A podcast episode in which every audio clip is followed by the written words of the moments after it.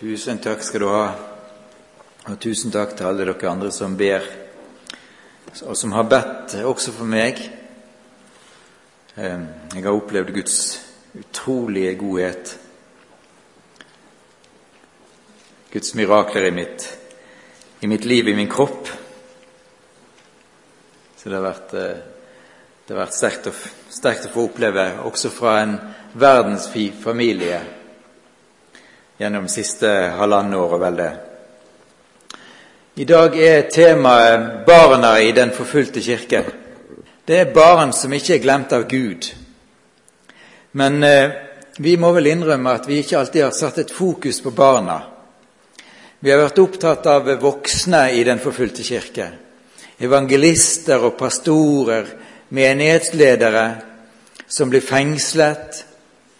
Eh, som eh, lider all mulig slags eh, overgrep. Og så var det noen som kom til å tenke på at men det er jo også kvinner i denne kirken.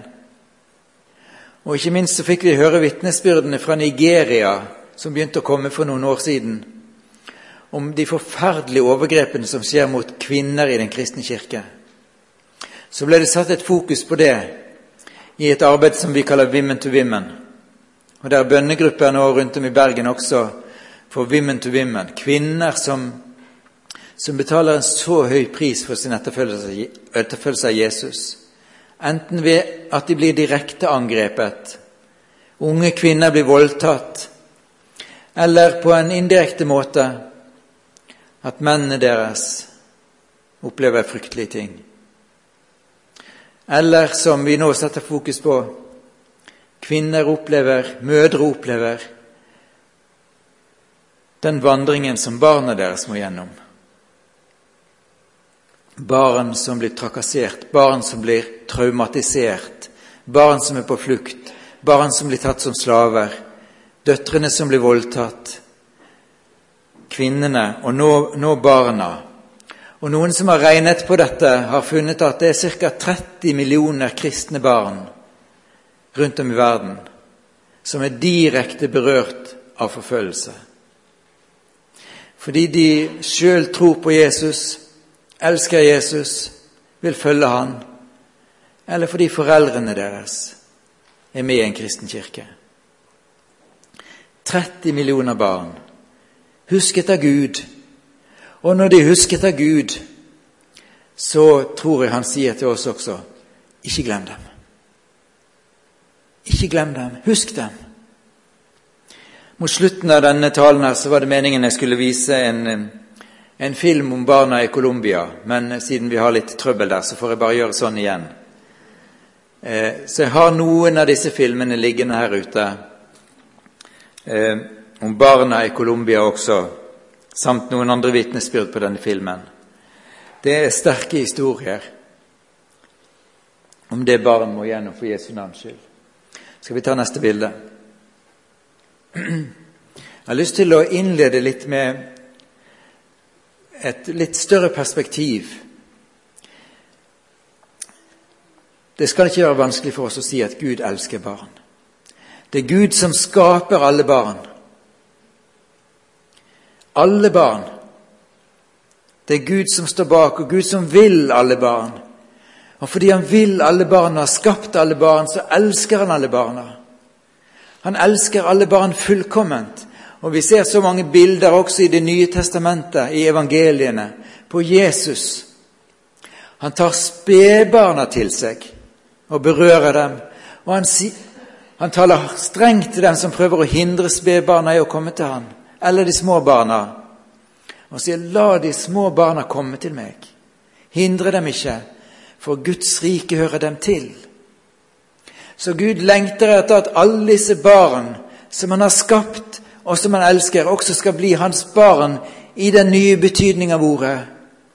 Himmelrikets barn. Og få være hos, hos han alltid.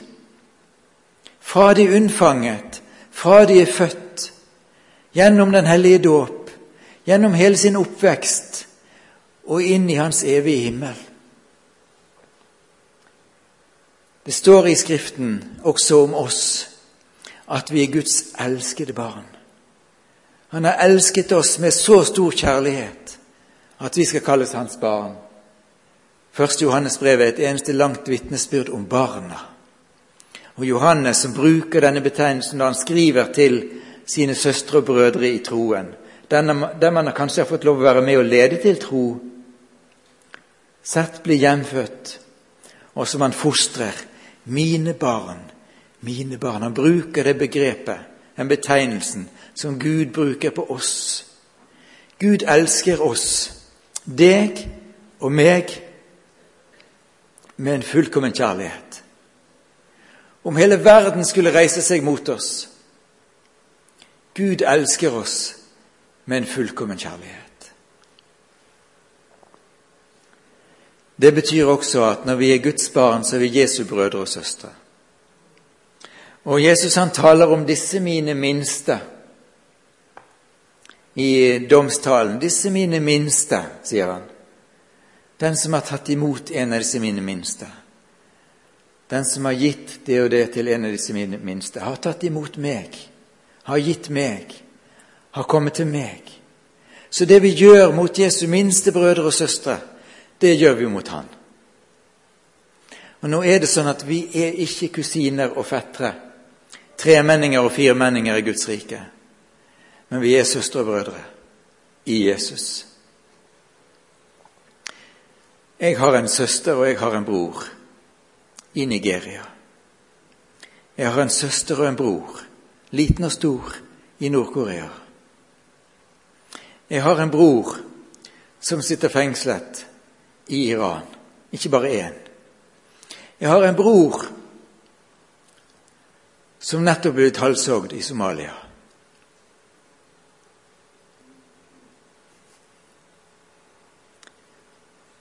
De er mine brødre og søstre.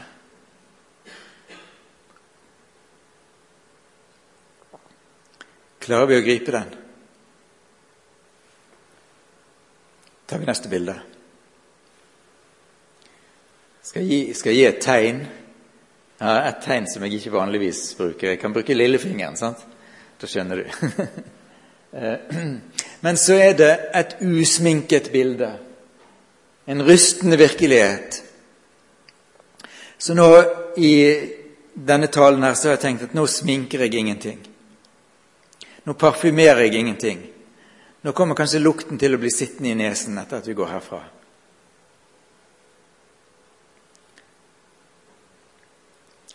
Så det kan følge oss utover klokken ett på søndagen.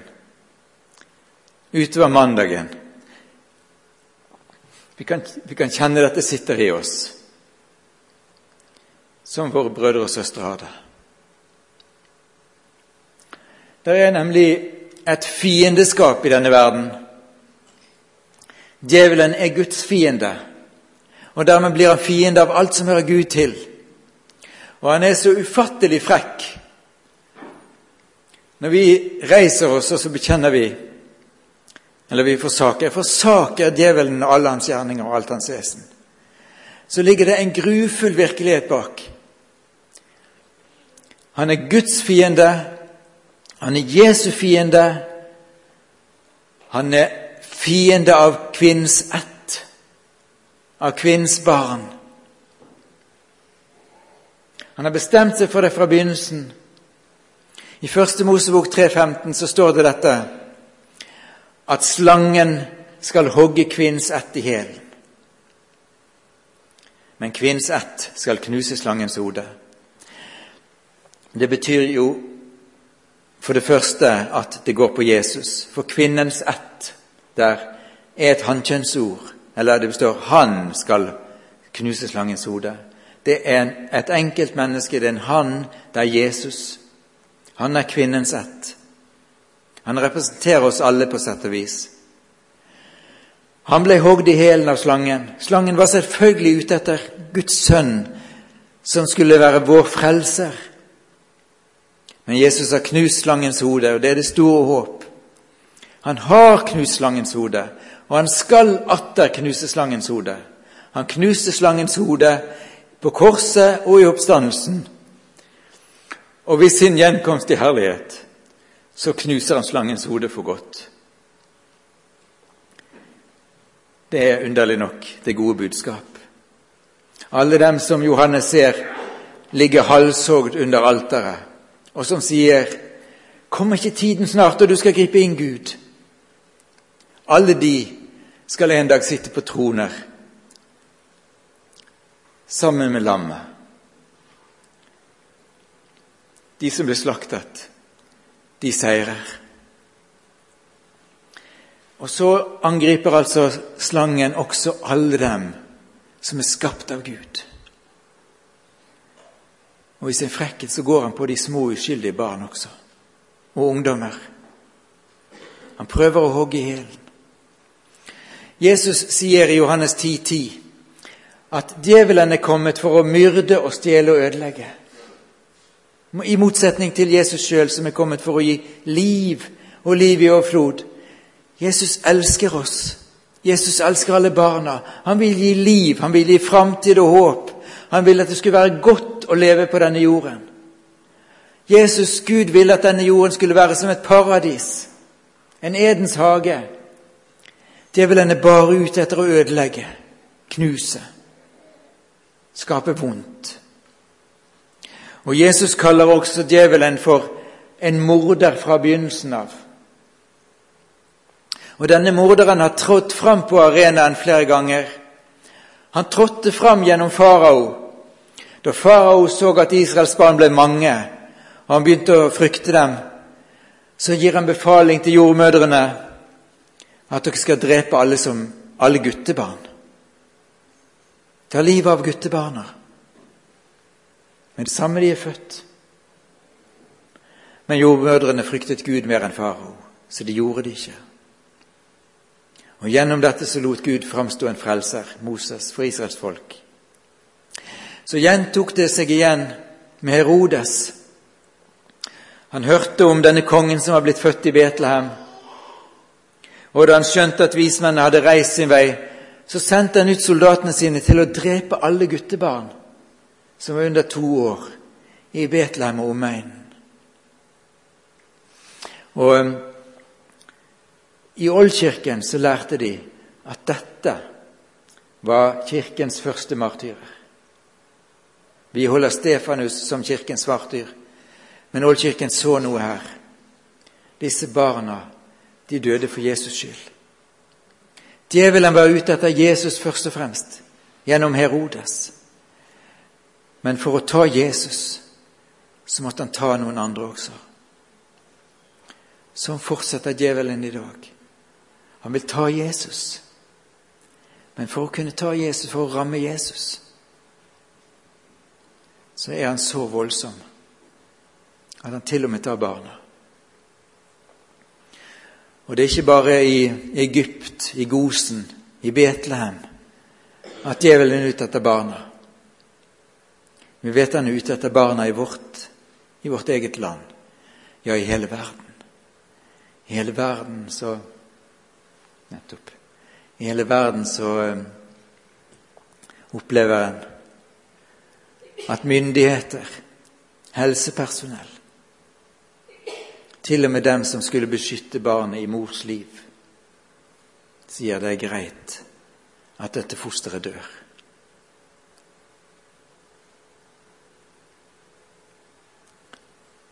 Det er også en, del av dette bildet. Jeg har eh, Det er en ting som jeg ikke, som jeg ikke blir lei av å gjenta, egentlig. Og det er at når djevelen ikke kan forfølge i rent fysisk form lenger, så forfører han. Og gjerne er det der det begynner også. Og han har forført intelligente mennesker, velutdanna mennesker, nasjonsledere og oss i vår tanke og sier at dette er ålreit. Det var rystende, men ikke overraskende, å lese nyheten som sto i Velsignet helg dagen i går. Ikke bare dette landets beste avis, men eh, sannsynligvis mye mer enn det, som hadde en nyhet fra Israel om barn og unge som saksøker staten for at de må leve et uverdig liv. De er født med handikap.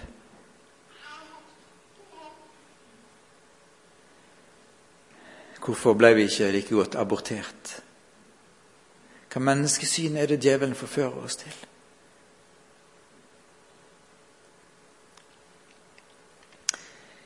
Vi trenger jammen Jesus.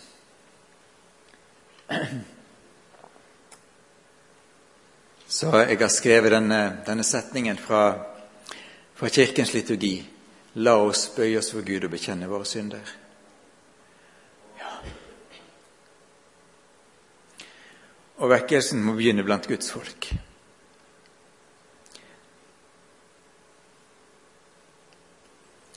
Det begynner ikke med kjeft. Det begynner med Guds folk.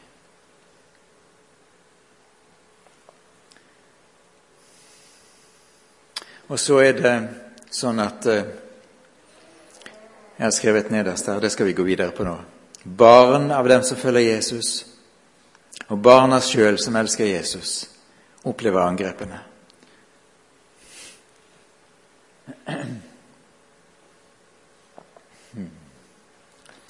Jeg nevnte Usbekistan, som står om i bladet her.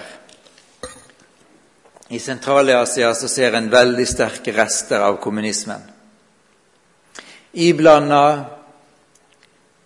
islam, men også en forfølgelse av muslimer i, i eh, Sentral-Asia. Usbekistan, Kasakhstan, Turkmenistan, Aserbajdsjan Flere steder så forbyr de barn og unge under 18 år å få opplæring i kristen tro. Foreldre får ikke lov til å gjøre det. Søndagsskoler er forbudt. Åh, fantastisk å oppleve masse barn her som går på søndagsskole. Søndag etter søndag. Det er stort. Det er vidunderlig. Tenk, vi har full frihet. Vi har full frihet hjemme. Vi har full frihet til å ha søndagsskole, til å invitere så mange vi bare vil. Ennå. Men eh, det er jo noen ting som skjer i vårt samfunn også i Usbekistan, Sentral-Asia. Ingen All undervisning i religion og ideologi skal foretas av myndighetene sjøl. Myndighetene setter agendaen for det som en får lov til å undervise barna i. De skal læres opp i den offisielle ideologien. Myndigheten er på kjøret. Sånn har det vært i Kina.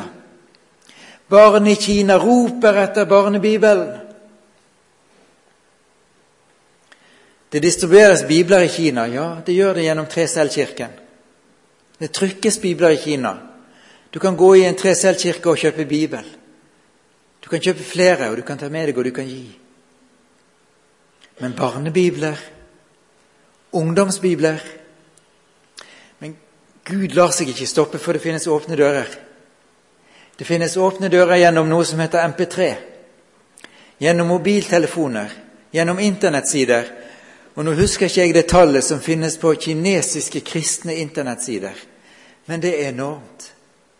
Så rundt om nesten hele Kina så kan folk laste ned. Og det store flertallet av mennesker i Kina har nå en mobiltelefon de kan, der de kan laste ned bibeloversettelser. Så Gud for Gud er det ikke åpne dører. Jeg kunne si mye mer om vekkelsen som foregår rundt om i mange land, ikke minst i den muslimske arabiske verden, om hvordan Gud når inn gjennom tekniske medier. Det er, det er utrolig. Men det, det, det, er ikke det som er temaet nå. Det får vi ta en gang, kanskje. Et av de mest skrekkelige eksempler på der barn blir brukt der barn lider, det er Nord-Korea. To, to, enkle historier om Nord-Korea. En liten gutt som holdt på å sulte i hjel. Han klarte å flykte, tolv år gammel, over grensen til Kina. Han hadde vel kanskje i sitt liv aldri sett en potet. Kanskje han hadde nettopp opplevd det at mor gikk opp i fjellene og samlet gress for å lage en suppe eller en grøt på næringen som var i gresset. Aldri smakt kjøtt.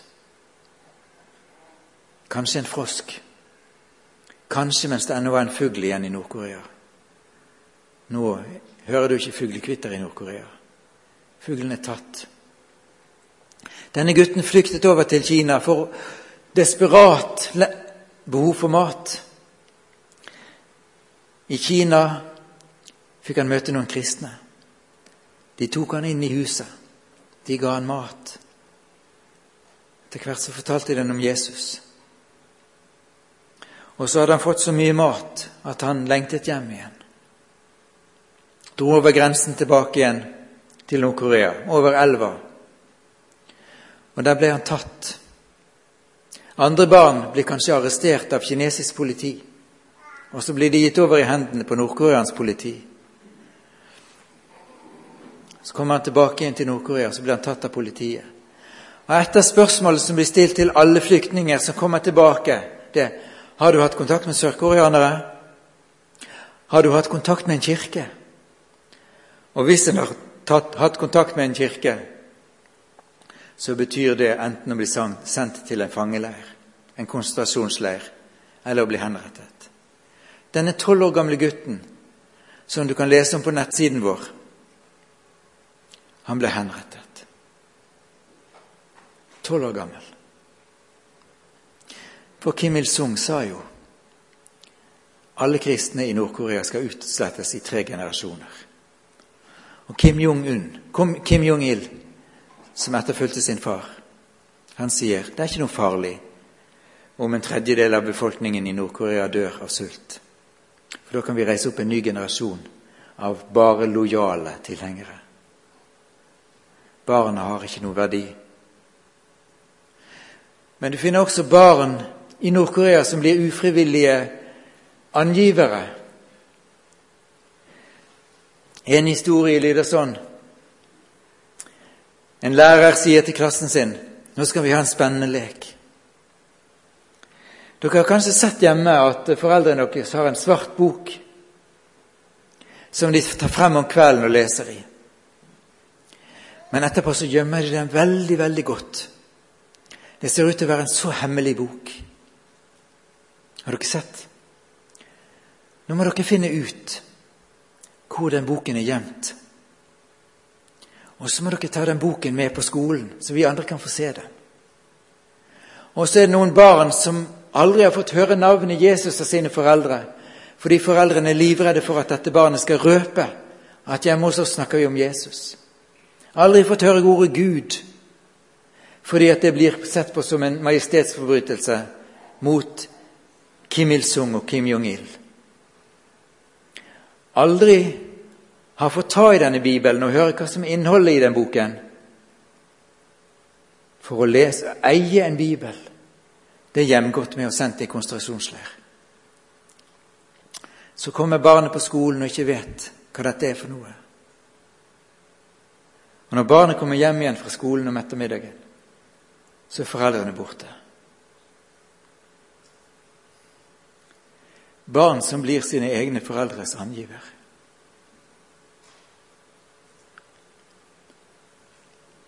Noen av dere vet dette, og jeg nesten sånn jeg beklager å stå og si det. Men det er våre søstre og brødre i dag.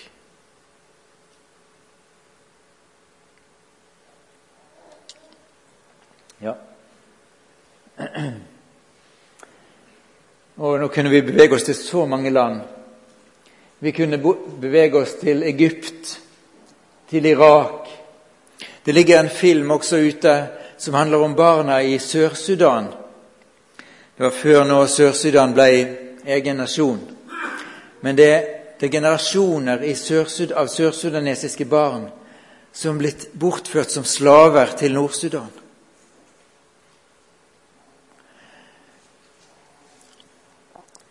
Aldri får se sin familie igjen blitt tvangsomvendt til islam fra sin kristne tro eller noen fra sin animistiske tro, blir tvangsgiftet for med tvang en ny kultur, en ny identitet. De blir tatt som små barn. Jenter blir bortført. De blir voldtatt. De blir tvangsomvendt og de blir tvangsgiftet. Sånn som det skjer i Egypt, som det skjer i Pakistan. Mer og mer i Pakistan, heter det. Men i Egypt har vi mange historier på unge jenter. Dere vet det at Dette vi, vi leser om i avisene, om, om eh, massakren på de koptiske kristne i, Kairo, om kirkebrenninger, angrep på kirke i Alexandria, i Øvre Egypt Det er bare toppen av et isfjell. Det som skjer i det daglige, er langt, langt mer. De unge jentene som blir innbudt til å komme opp på et kontor, sier 'vi har jobb til deg'. Så blir de tatt, dopet, bortført, voldtatt, tvangskonvertert, tvangsgiftet. Så våkner de opp, og så finner familien ut hvor de er, etter å ha letet lenge og blitt eh, forfulgt på sin måte. Pappa som får, opp en, får opp en oppringing, og er det en stemme som sier 'Vi vet hvor din datter er. Møt oss der og der.' Og så møter han der og der, og så ser han bare en person som løper. Og blir holdt i et grep som er helt umenneskelig. Men så finner de ut hvor datteren er, og så tar de kontakt og sier 'Vi vil møte vår datter igjen'. Nei, datteren deres hun har omvendt seg til islam. Hun er gift med en muslim. Og en som er omvendt til islam, kan ikke ha noe å gjøre med kristne. Så er datteren borte.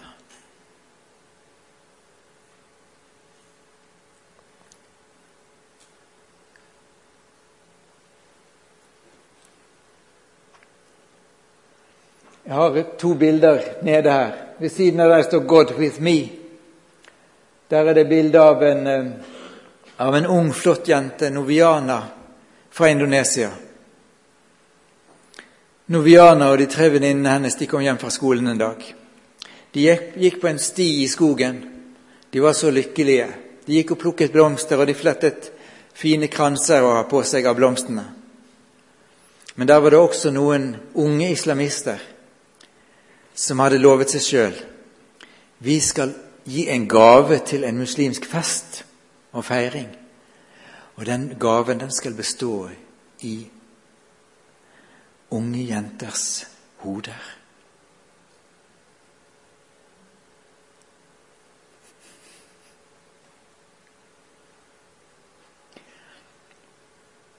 De drepte tre av disse jentene. Noviana ble ikke drept. De trodde sikkert hun var drept også, men hun har et svært arr over ansikt og hals som må leve med alltid.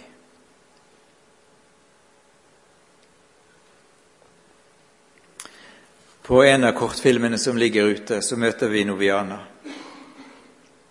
som eh, som eh, jobb, arbeider med tilgivelsens harde kamp.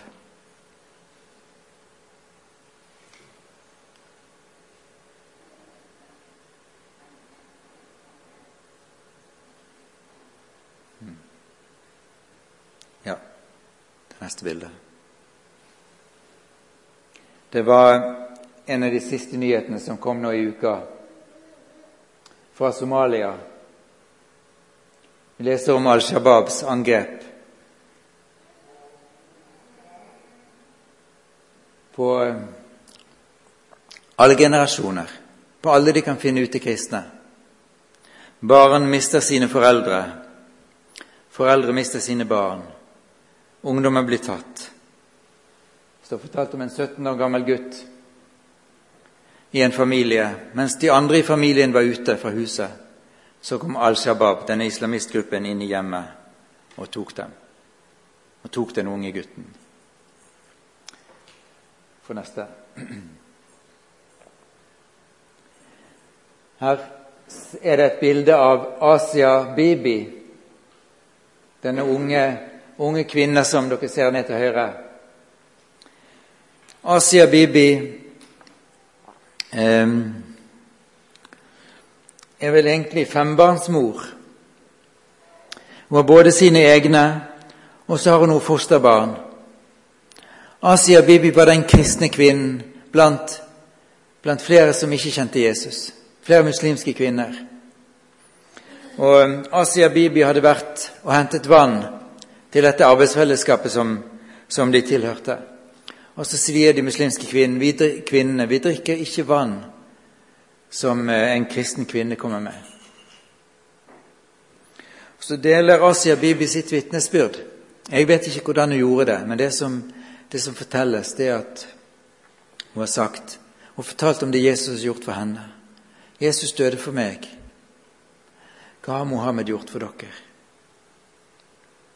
I det øyeblikk ble det opplevd at Asia Bibi hadde sagt noe som var blasfemisk.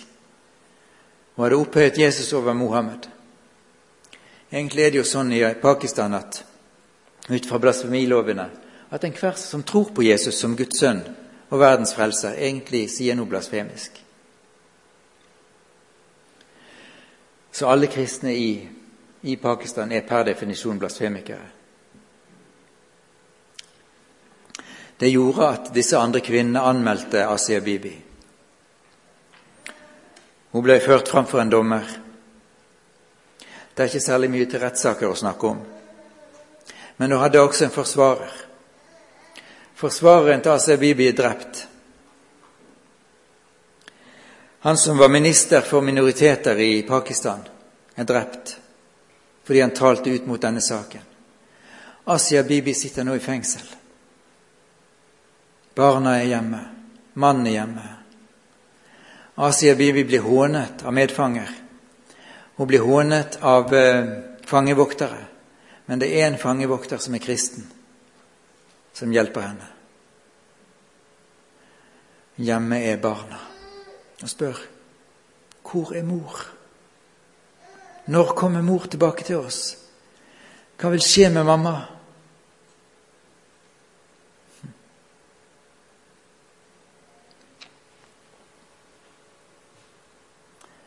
Ja, Nord-Korea har vi sagt litt om, så vi tar neste. Jeg skal fortelle litt mer fra, fra Sør-Sudan. Det er ikke så godt å se på bildene her, men på bildet i midten nede så står jeg sammen med pastor John.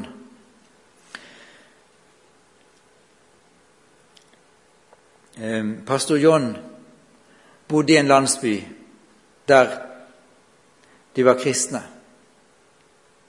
Og han var pastor for denne flokken. Så var det en gruppe geriljasoldater som angrep. De kaller seg forresten Lords Resistance Army, denne geriljagruppen. Herrens motstandshær. I realiteten så er det en, eh, så en demonisert gruppe som angriper overalt, alle de møter. Og ikke minst så ser det ut som de lukter seg frem til de kristne. Så de har herjet på grensen mellom Sudan og Uganda. De har herjet på grensen mellom Uganda og andre naboland. Og eh, en dag så angrep de denne landsbyen med de kristne. Og de som ikke ble drept, de måtte flykte. Hyttene deres ble nedbrent, alt ble ødelagt. Kveget deres ble tatt, og mange av de unge tenåringsjentene og guttene ble tatt. Men de som flyktet, de, der ble det bygd opp en ny landsby. Åpne dører bygget en ny landsby for dem. Hytter, skole, kirkebygg. En ung kvinne på omtrent 27 år var lærer for et par hundre barn. De hadde skolen inne i kirkerommet. De hadde ikke noe annet utstyr enn en, en, en eh, som svart tavle med kritt. Så det at vi ikke får det her tekniske til å virke alltid, hva betyr det? Det var det hun hadde som hjelpemidler. Et par hundre barn. Hun var den eneste læreren. Hun hadde seks-sju års utdannelse sjøl. Hun, hun, kunne lese og skrive. hun Kunne engelsk i tillegg til eh, stammespråket. De barna, de lyttet. Det var utrolig å møte dem. Hun hadde noen andre medhjelpere som også gikk rundt til enkelte barn og hjalp dem.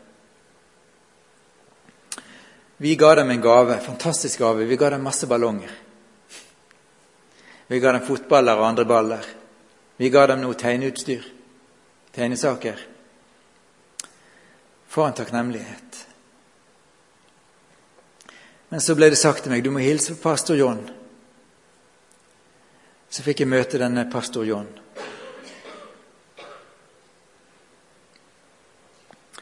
Han hadde hatt tre tenåringsbarn. Jeg er ikke sikker på om det var to jenter og en gutt, eller det var to gutter og en jente, men i alle fall. Han visste hva som skjedde med unge gutter når de kom i klørne på denne geriljagruppen. De ble lært opp. De ble tvunget til å ta sine egne. Til å angripe sine egne. Hvis de ikke var med på det, så ble de drept sjøl og med de unge jentene, så skjedde det unevnelige. Det visste han. Min pastorbror.